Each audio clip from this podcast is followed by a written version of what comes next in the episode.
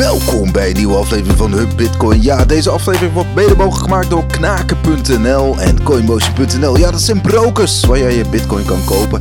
We hebben weer heel veel nieuws, Robin. Uh, te beginnen met, uh, ja, laten we gewoon met het Nederlandse nieuws beginnen. Bitonic, we hadden een live blog over de rechtszaak tegen de Nederlandse bank. Eigenlijk de conclusie is dat Ja. ze nog steeds uh, behoorlijk recht tegenover elkaar staan.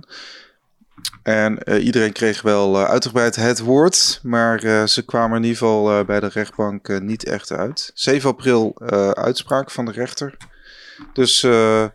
ja, wel een spannende zaak wat dat betreft, toch? Ja, want het gaat over eh, de strenge verificatie-eisen. hè. Bitonic Ja. vindt dat de DNB eh, te strenge richtlijnen aanbiedt voor eh, de manier waarop klanten zichzelf moeten verifiëren bij, eh, bij een broker, in dit geval Bitonic bij hun. Klopt. Eh, want het gaat best wel ver, want je moet je, nou, je moet je ideeën opgeven, je moet laten weten wie je bent in ieder geval. En vervolgens moet je ook nog je walletadres eh, bevestigen met een screenshotje, wat helemaal niks bewijst. En tegen die gang van zaken zijn ze in verweer gegaan. En eh, ja, laten we hopen dat er op 7 april goed nieuws komt. Maar ik ben bang dat dat nog wel een langere strijd gaat worden dan één rechtszaakje. Ja, het, was, uh, het duurde volgens mij 2,5 uur inderdaad, uh, die recht, uh, recht zitting. Die zitting inderdaad, moet ik zeggen.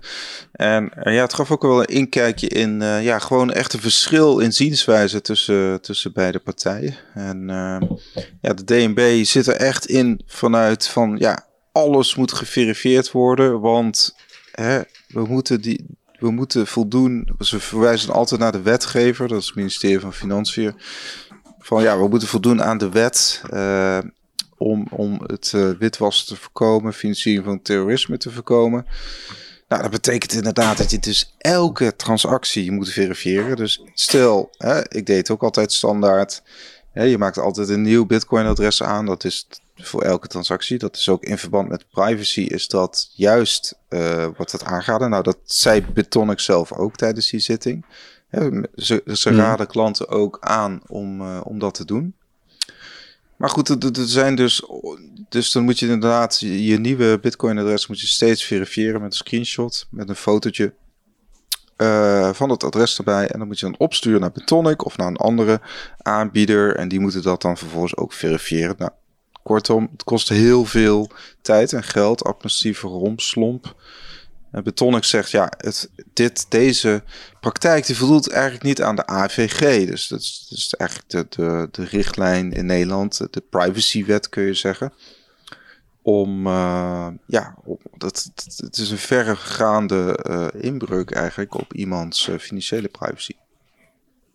Ja. En nou ja, goed, daar, daar kwamen ze er niet echt uit. En um, ja, volgens mij Jouke Hofman van, uh, dat is de general manager van Bitonic, gaf ook aan dat eigenlijk de aard van Bitcoin, ja, kun je zeggen dat dat past ook niet echt helemaal in die mal van, uh, van die cryptowet. Dus daar, ja, de, mensen, gebruikers zijn ook gebaat bij, bij een stuk privacy.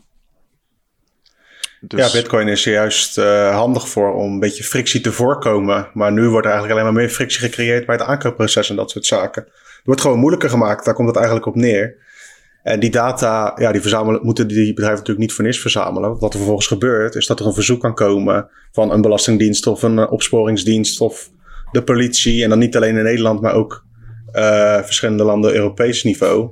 Die kunnen een verzoek indienen van, hé, hey, we hebben de informatie nodig van Pietje kan je alles eventjes uh, even opsturen. En dat wordt er met die data gedaan.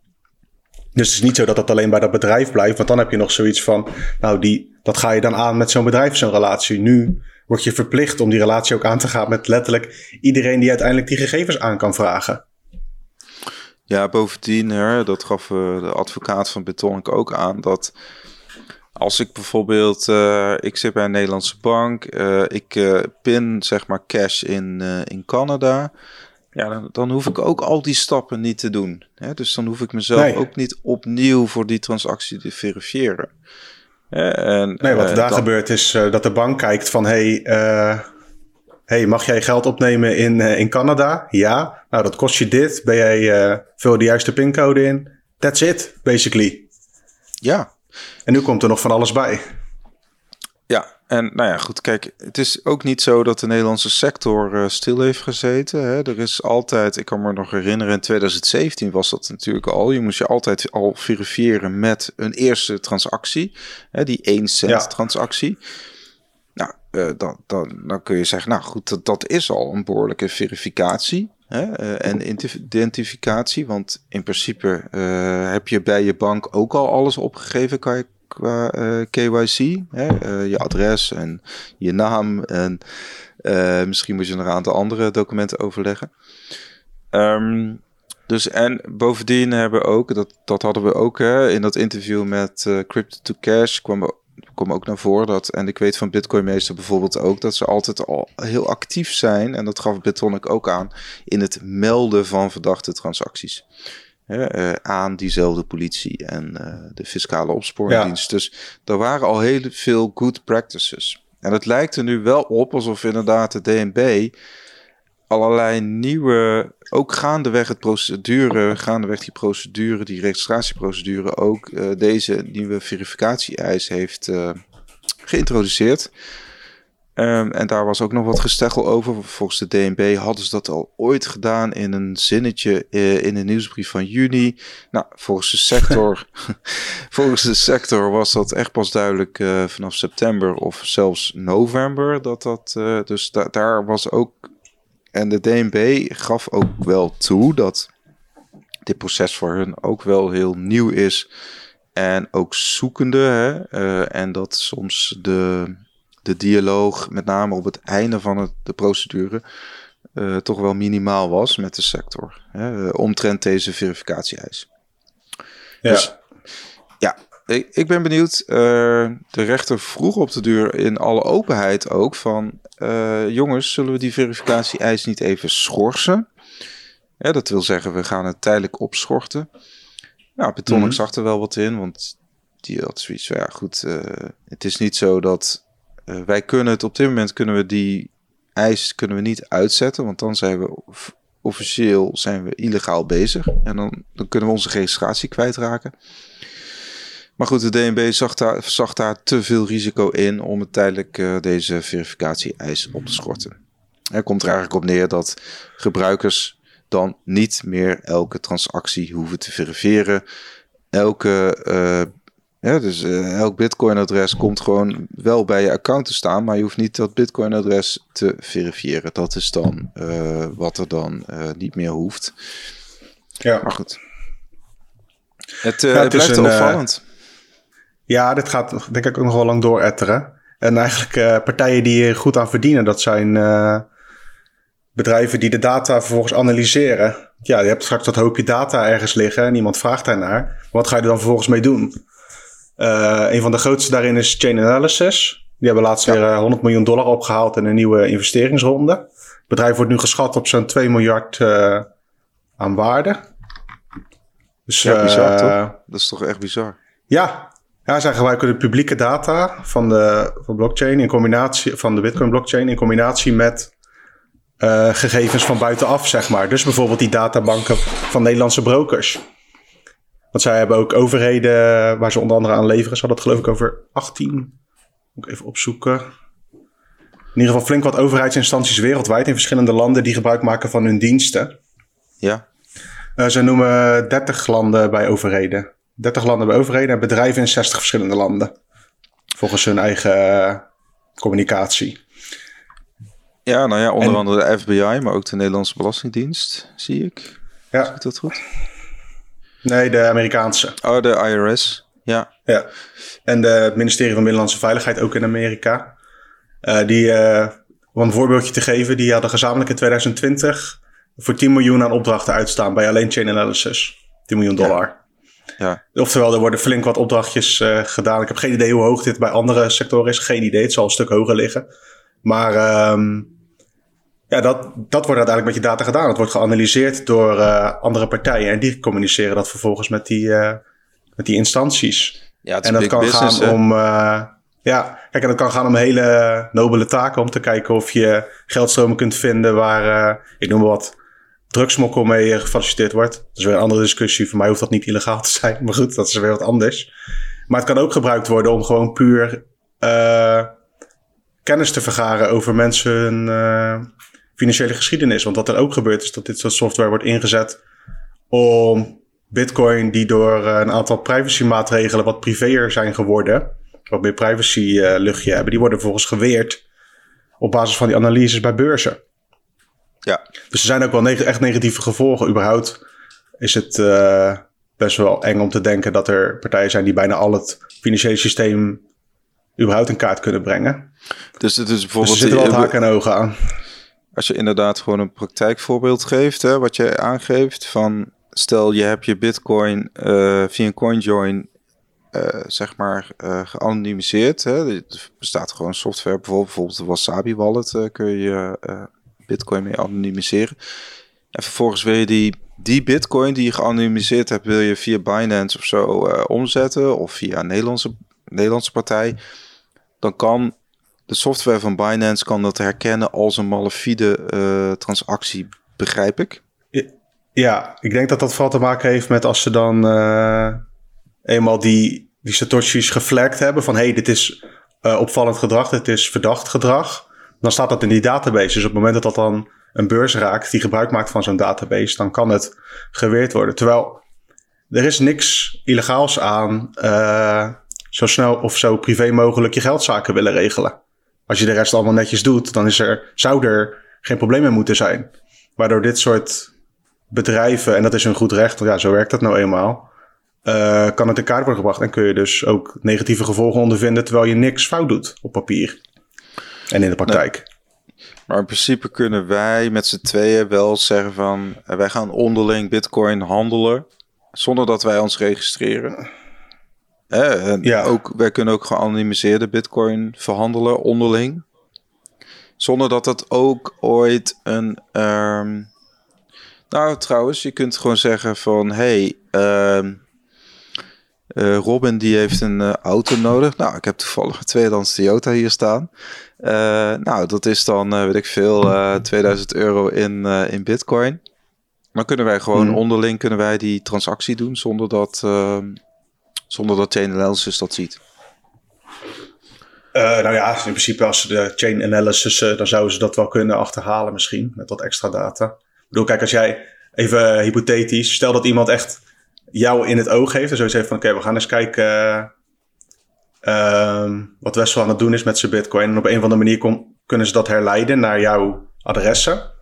En jij betaalt mij vervolgens. En er is ook een auto weggegaan uit jou, of ik, ik betaal jou. En er is een auto weggegaan bij jou. Dan zijn die linkjes alsnog wel te leggen. Mm -hmm. In principe is, al die data openbaar. maar is dat dan strafbaar? Doe. Uh, nou, dat lijkt me niet. Als Bitcoin een uh, legitiem betaalmiddel is, dan is dat in principe niet strafbaar, nee. Maar dan moet je alsnog wel netjes opgeven. Ja, precies. Ik zal dan die. Aan het einde uh, van het jaar. Ja, ja. Ja. ja. Nee, dat klopt. Nee, dat, dat is niks strafbaar. Ook niet als ze gecoinjoined zijn en weet ik wat allemaal. En uh, ja, dat soort dingen worden er dus, wordt er dus gedaan met die data. En het, er zijn nu best wel extreme voorbeelden, maar het is wel wat er kan gebeuren. En uh, je kunt dus zeg maar legitiem bitcoin hebben gekocht en gewoon... Het is nooit uh, in aanraking gekomen met wat voor uh, crimineel circuit dan ook. En je kunt geweerd worden op beurzen. En dat zijn wel dingen die met de regelgeving steeds strenger gehandhaafd kunnen worden. Of dat gebeurt is een tweede, maar... Ja, nou ja, vooropgesteld, er is natuurlijk altijd weliswaar een heel klein percentage eh, wat van de verdachte transacties die wel degelijk inderdaad uh, malafide zijn, vooropgesteld. Maar goed, dat, dat blijft een heel klein percentage. Volgens mij ligt dat zelfs onder de 1%. Ja. Van alle bitcoin transacties. Dus dat is echt uh, een, een klein deel. Maar goed, de overheden, en we zagen het ook al met die update van die uh, FATF, ehm, zeg ik, de internationale organisatie tegen witwassen. Uh, mm Best bizar eigenlijk, hè? want we hebben een internationale organisatie. Die is niet democratisch gekozen. Maar die bepaalt wel alle spelregels op het gebied van uh, de witwasbestrijding internationaal. Weet je wel? Dat is ook wel bizar. Welkom, uh, welkom in Europa. ja, nou ja, Amerika en Canada doen ook gewoon daaraan mee. Hè? Dus het ja, is, ja, okay, dat is en, en, alle banken en de international settlements. Ja. ja. dus nou ja, goed. wat ik trouwens nog heel even nog wel Het is trouwens wel echt cool dat Bitonic dat, uh, die, die rechtszaak is gestart. Want dat was trouwens ook wel, eigenlijk wel geinig. Want de DNB die was ook oprecht verbaasd dat, dat Bitonic uh, ja, deze rechtszaak was gestart. Want ze waren toch geregistreerd. Weet je wel? ja, maar die vergeten even dat er... Uh, ja, dat er wat ethisch... ja, gelukkig. Want het is, wel, het is wel moeilijk hoor, om als bedrijf je nek uit te steken. Dus ik heb daar wel echt respect voor. En uh, ja, want dat is het ook. Het is niet per se alleen maar het feit dat ze dit moeten doen en dat het geld kost. Maar het is ook gewoon een principe kwestie. Van waarom moet er, dus, waarom moet er zoveel data verzameld worden? Ja. Nou ja, kijk, dat nou, zie je wel vaker. Uh, dat, dat dus de nadelen van, van beleid uh, ja, volgens mij hebben we het al een paar keer geroepen hier in de microfoon. En dan gaan we geen voorbeelden noemen. maar dat is vaker, de nadelen zijn vaker groter dan de, dan de, dan de voordelen. Of, of zeg maar de, het oplossen van het probleem. Ja. En, en ja, dat is de collateral damage. En dat, nou ja, goed, dan hebben we het niet eens over de kosten gehad, Robin. Want vandaag is, uh, werd bekend dat Flow Traders is uh, geregistreerd als 18e partij. Uh, mm nou, de DM, DNB heeft 1,9 miljoen euro gereserveerd in 2020 voor toezicht. Nou, toen waren er volgens mij iets van 15 geregistreerd. Dus het betekent feitelijk dat je meer dan een ton kwijt bent per jaar aan, uh, aan toezicht. Nou, die, de, het is zo geregeld dat toezicht moet de markt betalen. Dus de markt moet het toezicht betalen. Hè, mhm. dat, dat, dat is net blijkbaar een regel dat, dat, dat uh, de toezichthouder moet betaald worden uit, uh, uit de, door de partijen die, waarop toezicht gehouden wordt. Dus het is, geen, het is niet echt een publieke taak. Um, nou, misschien valt daar wel wat voor te zeggen. Dat je zegt, nou ja, goed, ja, jullie hebben, een, uh, jullie hebben een of nee, het is geen licentie. Jullie hebben een registratie en daardoor mag je opereren in de markt. Wij gaan er toezicht op houden. Maar naast de registratiekosten betaal je ook nog onze, onze uren eigenlijk. Ja, ik weet niet. Ja. Het doet gewoon een en beetje... En nog uh, de andere, andere uren in-house, want je hebt ook nog een compliance officer nodig. Ja. Of twee. Ligt eraan hoe groot je bent en met welke landen je allemaal te maken hebt. En nou, uh, ja, zo heel af en toe dus, in dit geval Flow Traders komt nog, uh, komt, komt er weer eentje door de keuring. En je, je, dus, kunt, je kunt ook zeggen, zo'n Europese richtlijn creëert wel banen. ja, ik had liever dat ze banen creëerden die niet te maken hadden met compliance, maar dat zal wel aan mij liggen. Ja. Ja. Nou ja, goed. Uh, in die zin, nou, we gaan het 7 april zien. Woensdag 7 april. Uh, de partijen krijgen per e-mail de uitslag. De uitspraak moet ik dan zeggen. Dus dan gaan wij het vanzelf ook wel uh, meemaken. Um, ja. Uiteraard te volgen dus. op bitcoinmagazine.nl. Ja, goede website is dat zeg. uh, flowtraders.nl wil ik zeggen, nee, .com, uh, wel, uit ons eigen land. maar ze hebben, zijn echt een grote jongen. 1500 miljard euro aan volume wat ze in 2020 hebben weggezet. Het is eigenlijk een partij die beurzen inhuren. Hè? Dus, dus het is niet alleen vraag... Ja, zij, zij, zij zorgen voor liquide markten, zoals dat heet. Dat er vraag en aanbod is voor bepaalde producten. Vooral uh, exchange traded products, zoals dat heet. Dat zijn, ja, dat is een moeilijk woord voor ja, aandelen die weer afgeleid zijn van een, een andere asset. zoals een, een goud-ETF of nou ja, Bitcoin-ETF heb je natuurlijk ook. Nou, de, de, dus flow traders uit Amsterdam, die, die zijn nu ook geregistreerd bij de DNB. Ik denk dat het komt omdat zij ook crypto-ETP's doen. Dus zij leveren ook weer liquiditeit aan de handel in crypto-ETP's. Bitcoin-ETP's. Oké, daarom hebben ze dit... Uh, moeten ze geregistreerd worden. Omdat ze dan te maken hebben met bitcoin naar euro transacties op termijn ergens ooit. Ja, dus zij handelen in die ETP's. Nou, die ETP's worden gesetteld in euro's. En daarom, ja. Uh, ja, daarom moeten zij als handelaar ook, uh, omdat dat zij eigenlijk elke dag doen zij zeg maar heel veel handelingen, eigenlijk flitshandel in, in uh, Bitcoin ETP naar, ja, naar euro of vice versa. En dit is dan meer een bedrijf die eerst heel veel andere dingen deed en nu uiteindelijk ook Bitcoin dingen gaat doen. Toch? Dus ja. een andere tak van sport. Ja. Ja, nou ja, ze doen dus gewoon wel, ze blijven gewoon ETP's doen, maar dan nu gewoon ook cryptocurrency ETP's. Hè, dus uh, bijvoorbeeld uh, van Van Eck, hè, Van Eck die biedt zo'n ETP aan. Nou, dan gaat Flow Trader staan handelen. Bijvoorbeeld uh, en, en, op een beurs of bij een broker. En dan zij zorgen ervoor dat er in ieder geval voldoende vraag en aanbod vraag is naar een dergelijke uh, naar een dergelijk product. Dat er genoeg volume is, waardoor eigenlijk die, ja, die spreads uh, vrij uh, nauw zijn. En dat is dan weer goed voor de, voor de transactiekosten. Dus zij zorgen die diensten mogen ze dan ook in Nederland aanbieden dan? Daar komt het op neer. Aan bitcoin bedrijven zelfs. ja, zij zijn de handelaar, hè? dus zij zijn de market maker. Dus zij, zij zijn niet zelf de aanbieder van die ETP's. Nee, dus zij zijn eigenlijk een soort, ja, uh, ze zijn gewoon een marktpartij op beurzen en brokers die dus zorgen voor volume. Dat is eigenlijk een market maker. Ja. En, en die okay. zorgen er dus voor dat, dat de transactiekosten redelijk, relatief laag blijven, omdat die spread uh, nauw uh, is. Ja, nou ja, het zijn vast wel experts die het nog veel beter kunnen uitleggen, maar het is in ieder geval de, beetje de, de basis. I get the message. En uh, nou ja, we zien ook in de crypto-wereld hè, dat, uh, dat, dat onder andere Fidelity heeft een uh, eh, ETF aangevraagd. Dat is toch wel een ja. van de grotere asset managers ter wereld. Dus die hebben een verzoek ingediend bij de SEC. Had jij daar een bericht over geschreven? Oh nee, Arnold. Ja, het gaat gewoon uh, zweren wederom een aanvraag voor een Bitcoin Exchange Traded Fund. Oftewel een fonds die uh, Bitcoin, uh, een Bitcoin-index eigenlijk, die de prijs zo nauwkeurig mogelijk volgt. Het interessante daaraan is dat ze ook Bitcoin in kas moeten hebben om hun fonds te stekken, zeg maar. Om te mm. bekken. Als dekking. Uh, en er is tot nu toe in Amerika nog steeds niks doorheen gekomen. Terwijl in Canada heeft de toezichthouder al drie ETF's goedgekeurd. En in Amerika staan er nu geloof ik zeven op de wachtlijst of zo. Ja. Is het goed? dit is de, dit is de achtste, inderdaad. Ja ja, het is een kwestie van tijd lijkt het dat dat daar misschien een keer door de keuring komt. Want uh, ja, ondertussen zie je daar wel veel uh, verschuivingen in, in die markt van financiële producten om Bitcoin heen.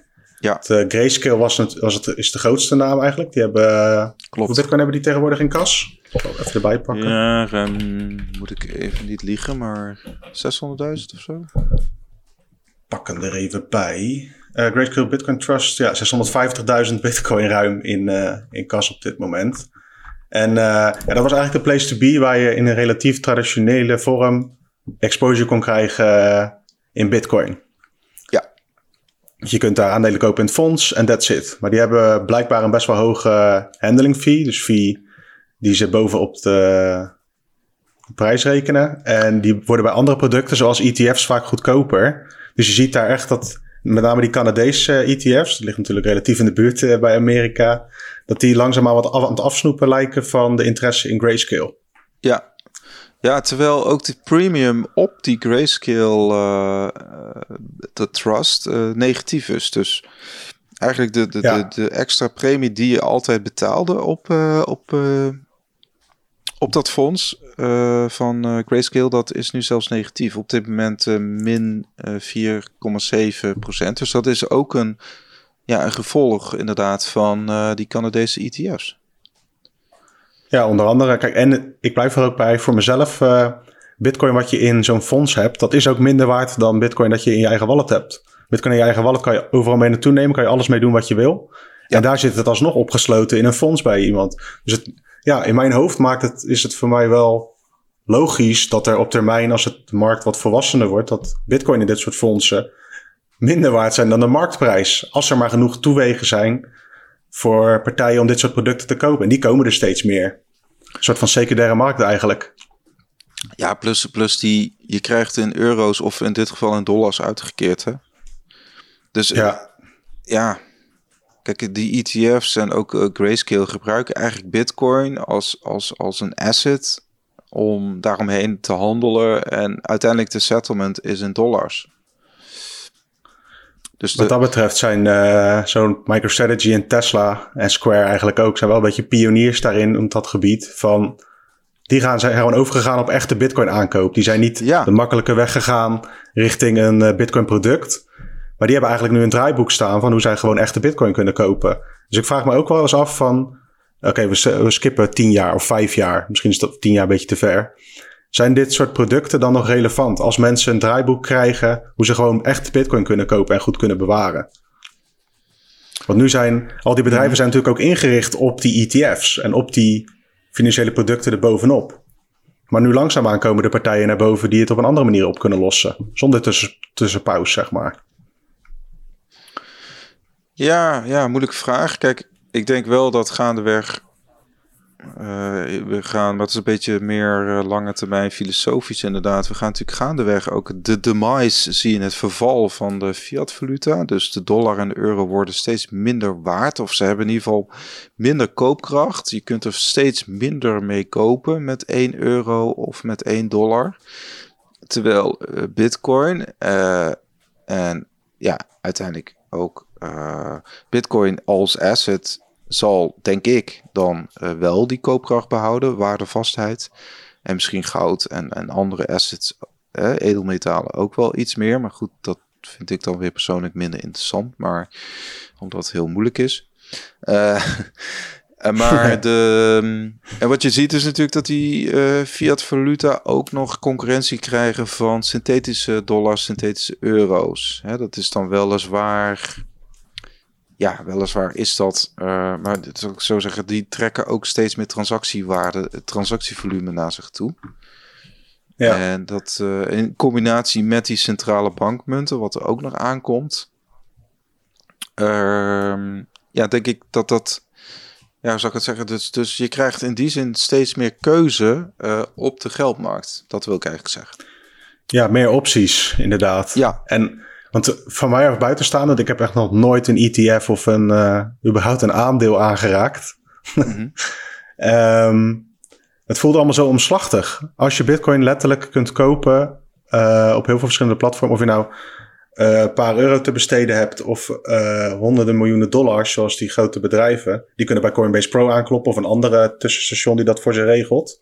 Je kunt het gewoon direct kopen. Dus je hebt niet meer die, uh, die mhm. tussen, tussenstation nodig. Terwijl bij olie bijvoorbeeld, daar is het logisch dat je ook een tussenproduct hebt, een financieel product, waarbij je alvast kan speculeren op die olie. Want anders moet je constant wachten tot die, uh, tot die, uh, tot die boot is weggegaan, zodat je olie krijgt en dan kun je pas handelen. Dus da daar is een tussenstation nodig en bij Bitcoin niet. Ja, ik snap wat je bedoelt, maar kijk, je hebt natuurlijk kijk, jij redeneert ook vanuit een bitcoiner, vanuit een hodler perspectief. En je hebt natuurlijk ook genoeg mhm. mensen in de markt zitten die gewoon meer euro's willen of meer dollars. Ja. Dus, en uh, in principe als bitcoiner wil je niet meer euro's of dollars. Dus dat, daar, daar zit al een hele andere interpretatie van, van zo'n product. Dus de, ja, oké. laat. maar kijk, als je, alleen, als je maar als je prijsexposure wil, dan is nog steeds de best ding het echte ding, toch? Ja. In de ideale scenario. Ja, ik vraag me gewoon af uh, hoe groot die markt dan wordt voordat het, uh, voordat het eventueel die andere kant op slaat. Maar misschien gebeurt dat ook wel niet. Misschien, misschien blijven we wel voor altijd uh, van die gekke, dan is voor mij gek, ETF's e houden en zo. Voor Bitcoin. Nou ja, wat je, wat je dus inderdaad ziet bij, wat ik vanochtend zag dat volgens mij, dat ja, dat zie je ook in de goudmarkt. Dat soms is het heel lastig om uh, die fysieke levering is dan bijvoorbeeld vertraagd van bepaalde goudvoorraden. dus mhm. de, ik denk wel dat de fysieke bitcoin, dat, dat zal gewoon altijd wel zijn waarde blijven houden. Alleen ja, de financiële wereld zal de financiële wereld niet zijn door er allerlei producten weer op, op te gaan bouwen. En, en, ja. Hè, uh, ja, dan gaan we zien wat blijft kleven natuurlijk. Dat is het een beetje.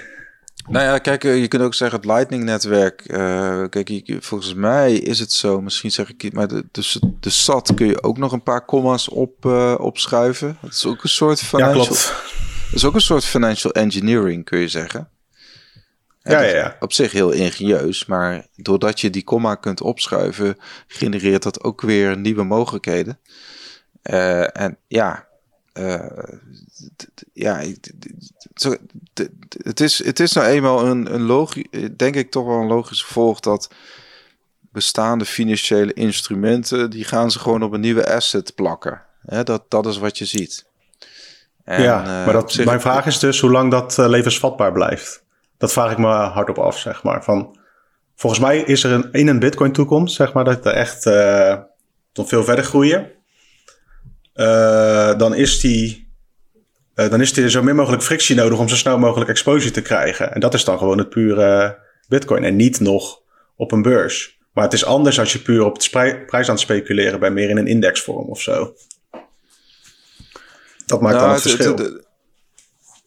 nou, kijk, vergis je niet, hè. Kijk, um, er is ook nog een verschil tussen retail en uh, zakelijk. Dus kijk, jij als, als retail, jij als particulier kunt vrij makkelijk natuurlijk bitcoin kopen. Dat is allemaal niet, niet, niet, uh, niet zo'n... Uh, ja, dat is allemaal heel uh, recht toe recht aan. Maar bijvoorbeeld als, ik noem wat Amerikaanse fondsen... Er zijn ook bijvoorbeeld fiscale voordelen om bijvoorbeeld in bitcoin ETF's te beleggen. Of in bitcoin mm. ETF's in Canada in dit geval te beleggen.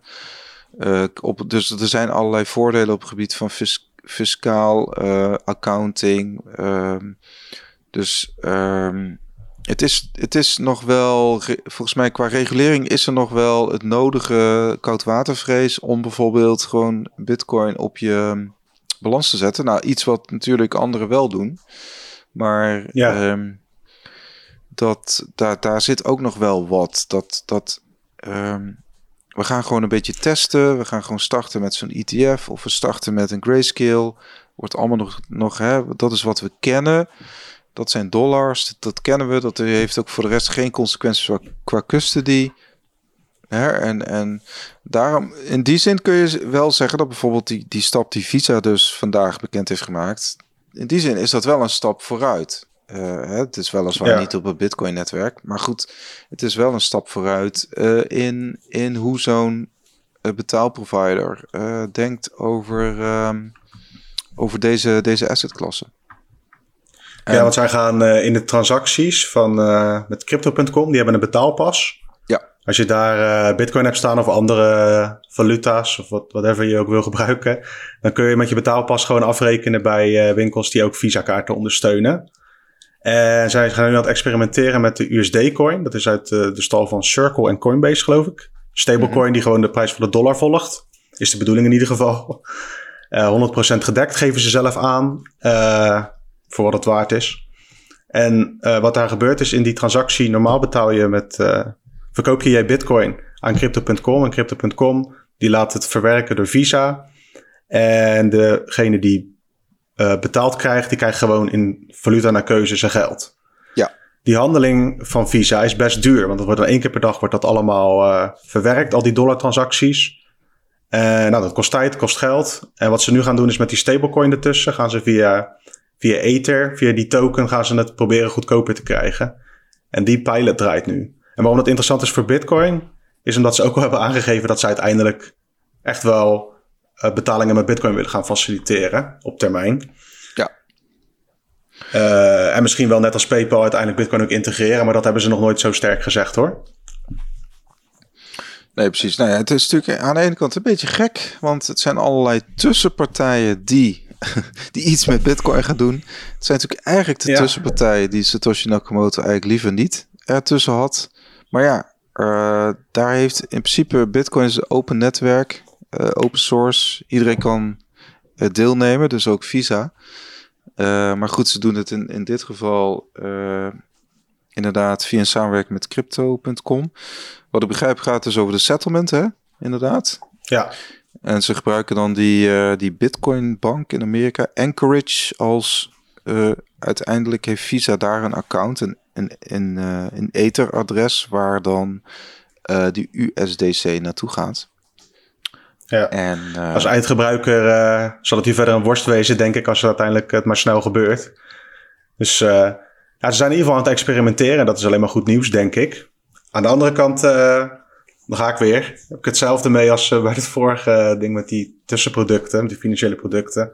We zijn natuurlijk nu al oplossing als BTCP-servers. Gewoon gratis open source betaalverwerken voor bitcoin transacties. Ja. Dus je hebt Visa niet nodig als winkelier om te beginnen. Kijk, als, als Visa morgen zegt van uh, we rollen het in één keer uit naar iedereen die Visa ondersteunt, dan kan je nu ook uh, via een QR-code met bitcoin betalen. Is natuurlijk best wel een big deal. Maar het is niet nodig. Dus eigenlijk zijn dit soort partijen nu aan het kijken waar ze nog gaantjes mee kunnen pikken van dit nieuwe uh, betaalnetwerk. van hun, van hun, vanuit hun gezien is het wel slim natuurlijk. Want ze zien die trein keihard voorbij racen. en ze denken, ja, we moeten toch wel even in ieder geval niet ja, we moeten die trein niet missen. We moeten toch wel een wagonnetje meepakken. En, en, ja. en, en nou ja, goed, zo'n synthetische dollar zoals USDC, dat is eigenlijk een soort alternatief van, uh, van Tether. Dat, dat is op zich een veilige route natuurlijk. Dat is nog, uh, dat is allemaal dat is een stablecoin. Dus ja, dat, ze, hebben, ze zitten ook niet met koersschommelingen. Uh, ja. Maar inderdaad. Ja, ze gaan echt die servicekant weer op, hè? Gewoon net als wat ze met een dollar en een euro doen. Gewoon wil jij iets van die money services uh, bieden, dan kan je Visa gebruiken om dat uh, te regelen allemaal. Want ze zijn ook bezig met software, met een softwarepakket of een software uh, toepassing om banken en andere financiële diensten een soort van plug-and-play bitcoin handelmogelijkheden te geven, zodat ze dat direct aan kunnen bieden aan hun klanten. Dus ze zijn gewoon allemaal van die tussenstationnetjes aan het bouwen. En dan allicht past dat ook nog wel nu. Want ja, niet iedereen gaat een BTCP-server draaien. Er zullen al voorlopig tussenpartijen zijn. Nou, en dan is het wel uh, denkbaar dat je dan voor Visa kiest. Als jij verder niet zoveel met Bitcoin hebt en je hebt zoiets van, nou, dat vind ik wel gewoon leuk om te accepteren. Dan kom je denk ik eerder uit bij een Visa, bij een gemiddelde winkelier, dan bij een Bitcoin startup die dit ook regelt. Dus allicht is er nog markt. Ja, nou ja, goed. Eh, kijk, Bitcoiners zullen dus voor BTCP-server kiezen. Het is inderdaad open software. Uh, ze, BTCP-server weet ook gewoon niet wie zijn software gebruikt. Ja, dus het is geheel open. Ja. Dus dat is, dat, is was op een, zich, uh, dat is ook een bij Tesla. Ja, klopt. Dat was bij Tesla. Want die, die accepteren nu Bitcoin uh, voor een autootje. Ja. In Amerika in ieder geval. En de rest van de wereld nog niet. Dus ook wel een beetje gewoon marketing. Maar het was wel leuk nieuws. Uh, en ze, zeiden, ze gaven daarbij aan dat ze zelf een x aantal software uh, dingetjes gebruikten. En ook open source uh, spul. En BTCP-server die reageerde daar ook op van... Ja, we weten inderdaad niet of wij dat ook zijn. En dat is juist het mooie. Maar ze wel sterk vermoeden, want er is weinig... Wat ik weet in ieder geval weinig die op dat niveau bitcoin betalingen verwerken. Gebruiksvriendelijke manier. Want je kunt dat al aan je webstore of je webshop hangen. Hè? Nou is een WordPress webshopje wel wat anders dan de Tesla store. Maar wie weet. Nou ja, je kunt, eh, wij, wij zouden bijvoorbeeld een donatieknop kunnen maken. En dan kunnen mensen uh, een donatie nou ja, in meer... Satoshi's uh, via de BTC-server kunnen, kunnen ze doen. Ja, en Tesla had dus geen visa nodig om dit te regelen. dat hebben ze gewoon zelf geregeld. Nee, dus het, ja, het is, het, ik denk, ja, ik weet niet, Visa zal ook wel, ja, die hebben natuurlijk al, weet ik veel, de afgelopen decennia um, al, al zoveel klantenrelaties opgebouwd dat, dat ja. Ik denk, ik denk al. Ik denk dat de gemiddelde ondernemer nu ook wel weer andere dingen aan zijn hoofd heeft dan een BTCP-server installeren. Juist. En ja. Uh, dus ja, die, die kiezen gewoon voor de, op dit moment voor de makkelijke weg. En, uh, en uh, die mensen zijn ook niet gek bij Visa. Die weten echt wel. tenminste, daar ga je dan een beetje vanuit dat ze in ieder geval wel in kunnen schatten waar ze in ieder geval kans maken om in de Bitcoin-wereld uh, groot te worden? Ja, het is een beetje inderdaad de vraag, Robin, of zij ook een beetje de PayPal-route gaan doen. Uh, dat je bijvoorbeeld op den duur ook uh, Bitcoin kan kopen bij Visa. Ja, het is misschien maar dan alleen maar uh, met je Visa-kaart kunt gebruiken en niet naar je eigen adressen sturen. Ja, het zal wel weer. Want in feite hebben ze dat al, hè? Maar dan wel allemaal in samenwerking met. Want zij zijn vaak die tussen, dat, dat Klopt, dat klopt. Dat klopt inderdaad. Net als bij crypto.com, want je kunt daar. Uh, ik ben er geen fan van hoor. Ik heb daar nog nooit uh, wat aan gestuurd. Maar meer van. Uh, je kunt daar je bitcoin storten en dan kun je met bitcoin betalen. In theorie. In de praktijk zit het wel anders. Want eigenlijk verkoop je gewoon je bitcoin aan die beurs. Dus ja, wie weet. Visa leuk. ik vind het wel leuk nieuws. Ja, het is in ieder geval niet meer dat je de tent uitgelachen wordt. In, in Nederland is Visa natuurlijk ook wel... Uh, ik heb hier bijvoorbeeld een Visa debitcard van Binance liggen. Maar Mhm. bijvoorbeeld de creditcard van, eh, van de Rabobank, dat is ook een Visa-card. Dus ja, Oh ja, dat netwerk van Visa is volgens mij best wel, Ja. eh, best wel dat is, dat is wel aanwezig. Ja, dat weet ik wel zeker. Ja, ja we moeten ook niet doen alsof zij nu in één keer binnen vijf of tien jaar helemaal weg zijn. Maar er zijn in ieder geval wel opties. Andere opties eh, waarbij je dit soort partijen niet nodig hebt. En als dat voor jou het beste uitkomt of het makkelijkste is, ja, dan kun je wellicht voor, van hun diensten gebruik maken. Maar het is geen verplichting meer om digitale transacties te accepteren natuurlijk. Nee. We gaan verder met een andere ja, grote naam, hè?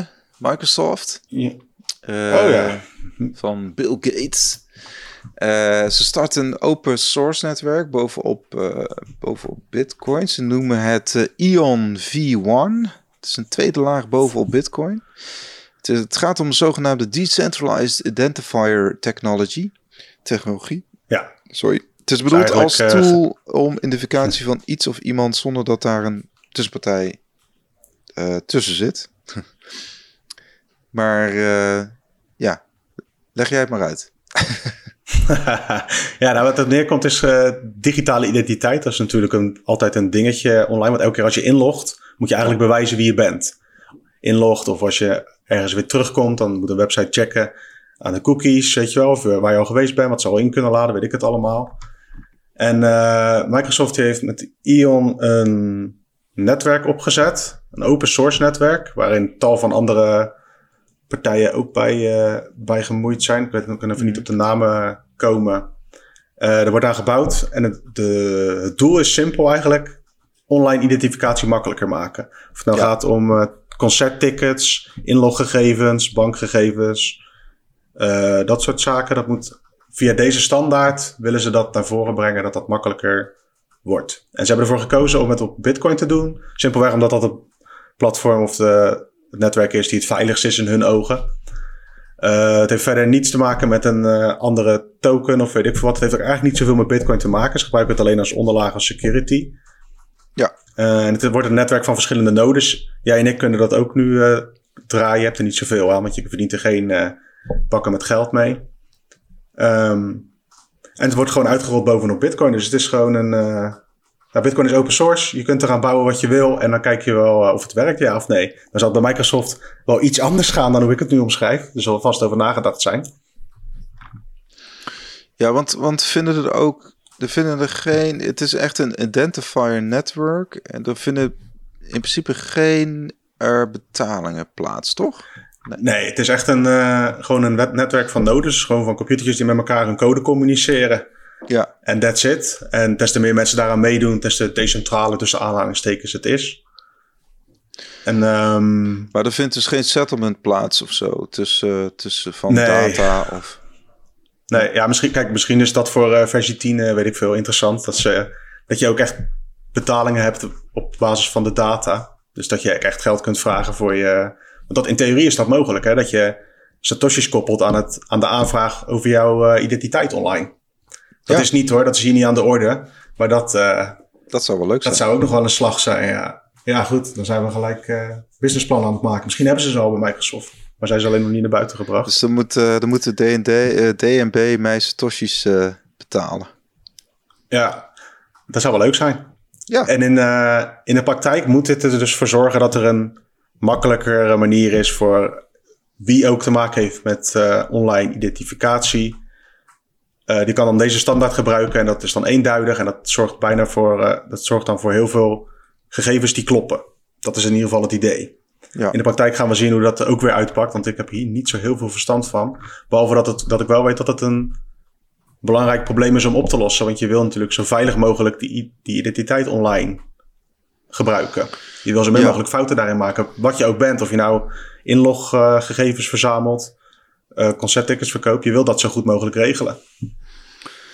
Ja, het is wel zo dat Microsoft natuurlijk eh, eh, al jarenlang een backdoor heeft naar allerlei eh, Amerikaanse inlichtingendiensten. Dus Juist. Maar goed, ik wil ook dus- nog, kijk, ik heb niet de kennis is- om in dit systeem, eh, in dit protocol te kijken. Maar misschien Mocht is dit het, gewoon eh, een soort pilot waar, waar bijvoorbeeld de NSA nog totaal geen eh, interesse in heeft. Maar Ja, wie, wie weet. Kijk, het is wel zo dat eh, namen als eh, Casa, eh, die software partijen in Gemini, dus die Bitcoin beurs, grote van de Winklevoss Brothers. Dat soort oh partijen hebben ook meegebouwd aan dit uh, systeem. En ik verwacht ook dat die ook wel baat hebben dan bij die uitrol. Zo'n Gemini, als die hun uh, alle online identificatiedingen kunnen gladstrijken met zo'n protocol, ja, dat zou ze een hoop geld schelen en waarschijnlijk ook tijd. Precies, precies. Ja, want in Amerika is nog steeds die discussie gaande over uh, self-custody wallets. Hè. Dat, daar is volgens mij het laatste woord nog niet over gezegd. Qua regulering. Dat ligt eigenlijk allemaal nog een beetje stil vanwege de nieuwe Biden uh, administration. Dus uh, nou ja, op zich goed nieuws. Ja, Microsoft toch ook wel, wel, wel een household name, net zoals uh, Visa natuurlijk. En ja, recent hadden ze ook inderdaad die Xbox, uh, dat je je Xbox spelletjes kon, kon, kon, afrekenen met, met Bitcoin. Jij bent geen Xbox nou, die vraag Niet meer, nee. Die had wel een tijdje. Maar toen ben ik overstapt op de PlayStation. Maar ze vroegen het in een, in een enquête van... hey, zou je het leuk vinden of waar zou je nog meer mee willen betalen? En toen stond Bitcoin ook als optie. Oh ja. Een paar jaar geleden hadden ze wel, geloof ik, um, in de Microsoft Store, gewoon ook op Windows, had je ook dat je met Bitcoin kon betalen. Dat hebben ze daarna volgens mij weer weggehaald, want bijna niemand zal het gebruikt hebben. Je bedoelt um, Windows Store of? Nee. Uh, dat zal vast wel veel gebruikt worden als ik de, de schatkist uh, online opzoek van Bill Gates. Maar goed, dat terzijde. Ja. Um, ja, kijk, ze noemen dat open source. En uh, ja, ik heb er niet zo heel veel verstand van. Het is in ieder geval leuk dat het op, uh, voor mij in ieder geval leuk dat het op Bitcoin gebouwd wordt. En voor de rest gaan we zien wat dat voor uitwerking heeft. Want kijk, als dit gekoppeld kan worden inderdaad aan zo'n Satoshi-transacties voor je identiteit, wie weet. Ja, nou ja, goed. Uh, inderdaad. Wat dat betreft, alles, is, alles is beweging. En Bitcoin uh, wordt, uh, wordt daar vaak uh, wel in meegenomen.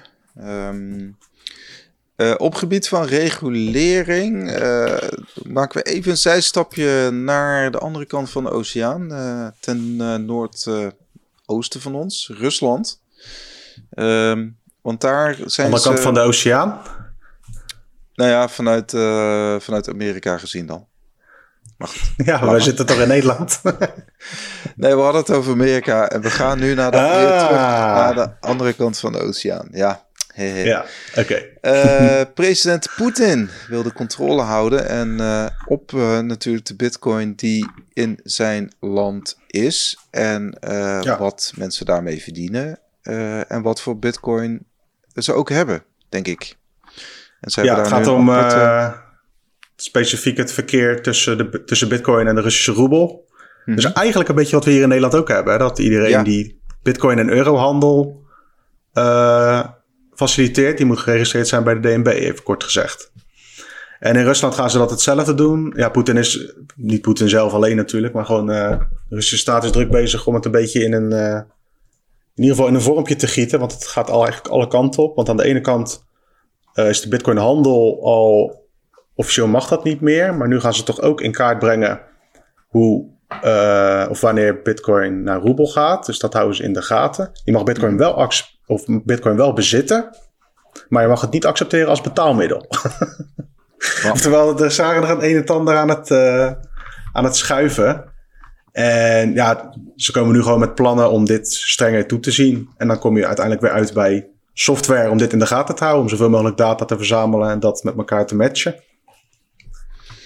Ja, nou ja, goed. De, in Rusland krijg je net zoals in India altijd vaak wel weer wat uh, tegenstrijdige berichten. Maar ja. ik begrijp dat het bezitten, het bezitten van bitcoin is in ieder geval niet verboden. Alleen het betalen ervan, dat, uh, ja, dat, ja. dat, uh, dat mag niet.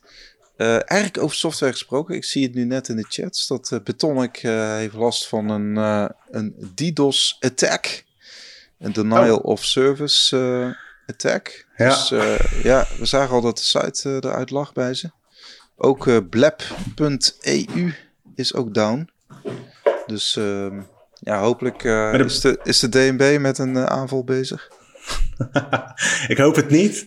Nou, laten we hopen dat tegen de tijd dat je de podcast luistert, dat het weer is verholpen. Dat hou je ja. toch, hè? Die ja. online. Ja, Precies. Nou, voor de rest hadden we andere... Ja. Ik wilde nog even bij Rusland blijven. Want was oh, wel, je wilde even Aan de ene kant heb, Ja, aan de ene kant had je dus dat uh, onderwerp van nou, toezicht wordt strenger, ze gaan er strenger op handhaven, meer controle, mhm. dat soort zaken. En de Russische oppositieleider, die had een tijdje terug uh, 658 bitcoin, oh nee, oh, moet ik goed zeggen, sinds 2016. Sinds 2016 had hij 658 bitcoin als donaties verzameld. Het gaat om uh, Alexei Navalny, dat is ook die man die vergiftigd is en ja, eigenlijk de grootste opponent is van Poetin op politiek gebied in mhm. Rusland. En daaraan zie je dus het verschil. Poetin is natuurlijk heel erg bezig nu om te controleren, controleren. En aan de andere kant van het spectrum heb je zijn, eh, zijn uh, politieke tegenstander. Die Bitcoin gebruikt om überhaupt nog gelddonaties te kunnen krijgen. Want die kan waarschijnlijk niet in de Russische bank zomaar een uh, rekeningetje regelen bij een Russische bank. Ja, is eigenlijk het tegenovergestelde. Ja, 658 bitcoin, dat is toch wel lekker. 32,9 miljoen euro. Dus daar kun je wel. Uh, maar goed, hij, hij, ja, ondanks uh, die giften zit hij nog steeds wel vast. Hè? Een aantal jaar zelfs. Dus dat, ja, ja, in een strafkamp ook, hè? Ja, het is pittig. Het is ook, kijk, Bitcoin doet dit, kan dit voor je faciliteren, maar het kan je uiteindelijk niet beschermen als, als, als mannen met geweren je uit je bed lichten, natuurlijk. Tja, bizar, bizar. Ja, goed, dat um, zijsprongetje wilde ik even maken, gewoon om als tegen tegenhangen tegen dat andere nieuws. Ja, gaat u door? Precies.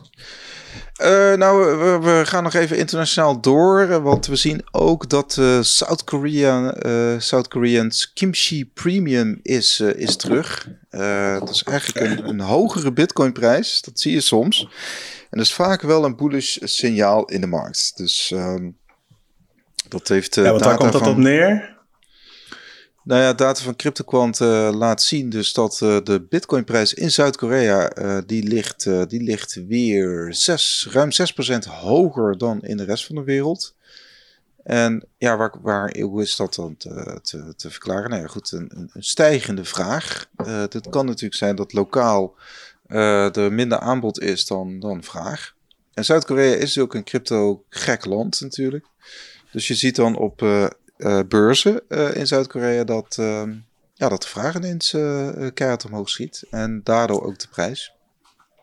Het is toch dus, bijzonder hè, hoe dat dan toch ontstaat. Want je denkt altijd van de wereld is connected. Zeker gewoon een land als Zuid-Korea. Je zou denken dat het relatief makkelijk gladgestreken wordt. Dat er best wel arbitrage plaatsvindt waardoor het een beetje gladgestreken wordt. Maar die vraag is dan zo hoog. En eventjes kort denk ik vooral. Waardoor die premium zo omhoog knalt.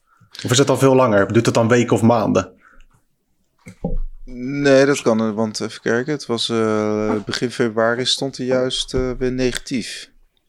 Oké. Dus, het is gewoon af en toe even in uh, bursts. Ja. Nou ja, ja. kijk, Bitcoin heeft weliswaar is Bitcoin wereldwijd. Alleen je hebt natuurlijk wel. Um, ik bedoel, probeer maar Bitcoin te, te verkopen in Nigeria of of te kopen in Nigeria of in Zuid-Korea. Ja, dus je moet dan toch nog wel, uh, denk ik, door een aantal hoepels heen springen. Ja, je ziet het bij Coinbase uh, natuurlijk ook wel eens gebeuren. Het Coinbase Premium noemen ze het dan. Daar is het ook soms een paar honderd dollar duurder de Bitcoin prijs. 6% is wel flink hoor trouwens. Ja, ja, nee, maar dat... duizenden dollars of euro's. Ja, ja, Nee, inderdaad. Dus dat is best wel. Uh, maar goed. Uh, ja, Bitcoin blijft natuurlijk uh, redelijk volatiel. Dus hou er altijd rekening mee. Um, wat ik sowieso niet wil vergeten is ehm, podcasting 2.0. Yes. Bitcoin streamen tijdens je favoriete show via Breeze. Uh, nou, uh, dat kregen we vorige week inderdaad. Uh, voor mij was het ook eigenlijk een totale verrassing dat het kwam. Maar ik zag het op diverse Telegram chats. En ik had het even over met, met Bart van Satoshi Radio. En, en inderdaad, je kunt dus via de Breeze app kun je gewoon donaties ontvangen. Dus via de Breeze app kun je verschillende podcasts uh, luisteren. Ook uh, Nederlandse podcasts. Zoals Satoshi Radio, de Bitcoin Show. Beginnen met Bitcoin van, uh, van Klukluk.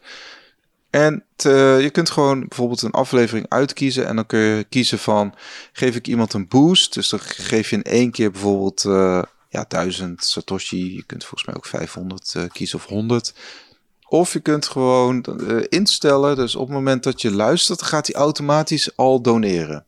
Hè, dus je kunt instellen, ik wil uh, 10 sats per minuut uh, doneren.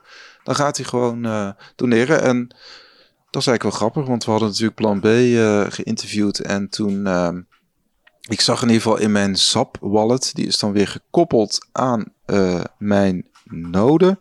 Daar zag ik dus inderdaad negen of acht satoshis elke minuut binnenkomen. Dat is heel grappig.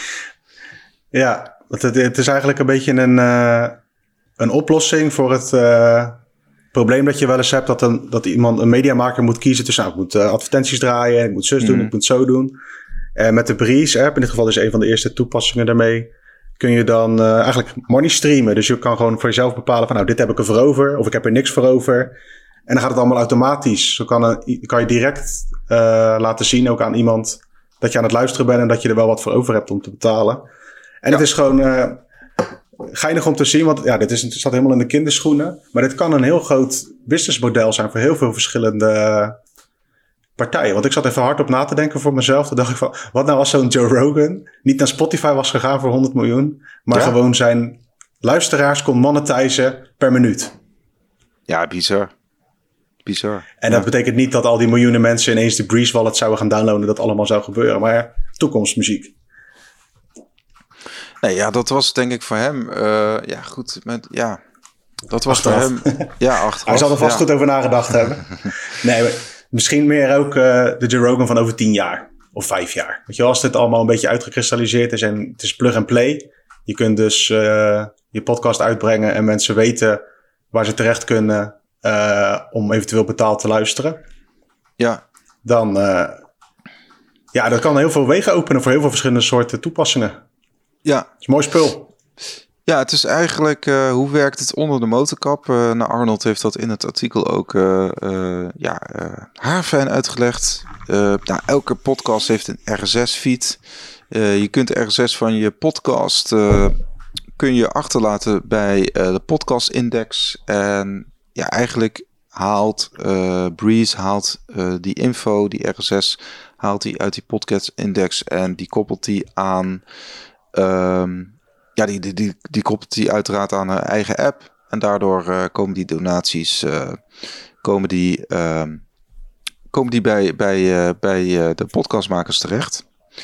Hè, want in die podcast index staat bijvoorbeeld ook weer de, de, de, hoe heet het, de URL van je node. En zo is het, is, is, is, is, zeg maar het proces helemaal rond. En uh, nou, ik vind het wel geinig. Uh, ik gebruik inderdaad die desktop-app van Zap. Die werkt op zich goed. en dan kun je gewoon zien wat er binnenstroomt. En ja. Nou ja, kijk, het, het, is inderdaad... ja, wij zijn ook in zekere zin ja, niet super afhankelijk, maar... ik bedoel, van YouTube. Maar ehm, ik, ik, kreeg laatst ook een mailtje van YouTube van ja, je moet nu je belastinggegevens achterlaten, want dan uh, we gaan 24% belasting uh, extra in rekening brengen, zoiets. En toen dacht mhm. ik, nou, je zult maar, uh, je zult maar heftig van YouTube afhankelijk zijn. Dan heb je in één keer moet je 24% extra belasting betalen over je, je YouTube-inkomsten. Kijk, en met dit dat soort dingen. hieruit. Dat snij je er hieruit. Ja. Ja. ja. En ook... Ja, ik zat nog even na te denken over die uh, donaties. Want ik, zat het aan, ik had het met mijn vader erover. Ik zei, ja, maar wie doet dat nou? Maar op, uh, op Twitch bijvoorbeeld en op YouTube heb je heel veel mensen die livestreamen. Dus die zijn mhm. gewoon uh, live aan een spelletje aan het spelen of aan het koken. Of weet ik wat ze allemaal aan het doen zijn. En mensen doneren daar om in de uitzending te komen vaak. Dan krijg je een pop-upje met, nou, Pietje heeft 10 euro gedoneerd. Thanks, ja. En dan krijg je even een shout-out, weet je wel. Ja. En dat vooral bij de, vanaf mijn generatie en naar beneden eigenlijk jonger ben 27 eh, voor de goede orde. die begrijpen, tenminste, daar is het normaler om online ook mensen gewoon... Uh, jonge god, klein voortje, jonge bitcoin god. Klein voortje te... Ge ja, zo, dat zijn jouw woorden, niet de mijne. um, hoe heet dat? Je bent best wel bereid om af en toe even een paar euro of een paar satoshis aan iemand te geven. Ik in ieder geval wel. En ik ben minder geneigd om snel gelijk een maandabonnement af te sluiten. En wat je hier dus krijgt, is dat iemand die gewoon aan het luisteren is en denkt, nou, dit vind ik een leuk stukje. Dus druk je even boost en het is geregeld. Dat is met euro's en zo is dat niet op deze manier mogelijk. Moet je allerlei tussenstationnetjes hebben. Je moet eerst geld storten bij een Twitch. Of je moet rechtstreeks doneren en dat moet dan weer via PayPal. En dit is allemaal direct vanuit je Lightning Wallet direct naar de, naar de makers. En dan kan een maker kan ook nog allerlei dingen instellen, zeker in de toekomst. Van hoeveel procenten hier naartoe gaat, hoeveel procenten daar naartoe gaat. En je kan het nog gekker maken en je kunt mensen ook belonen met uh, voor het delen van clipjes. In theorie kun je dus zeg maar zeggen van iemand heeft nu drie minuten geluisterd en dat vindt hij een leuk stukje. Dat deelt hij met iemand. Dan kun je ook zeggen van als dat clipje die gedeeld is geluisterd wordt, gaan een deel van die inkomsten naar degene die het gedeeld heeft.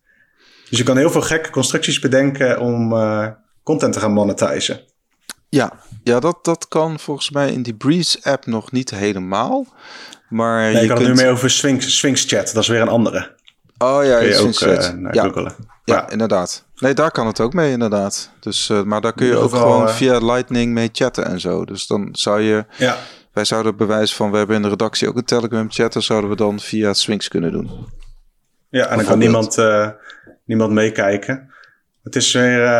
ja, dit komt er gewoon allemaal aan. Dit is gewoon nu aan de gang. Bitcoin wordt steeds meer ook echt geld. Want dit, dit soort dingen kun je niet met de euro. Als jij euro bij de bank hebt staan, kan je niet even een 0,001 eurocent ergens naartoe sturen. omdat je een minuutje van een podcast leuk vond. Hier wel.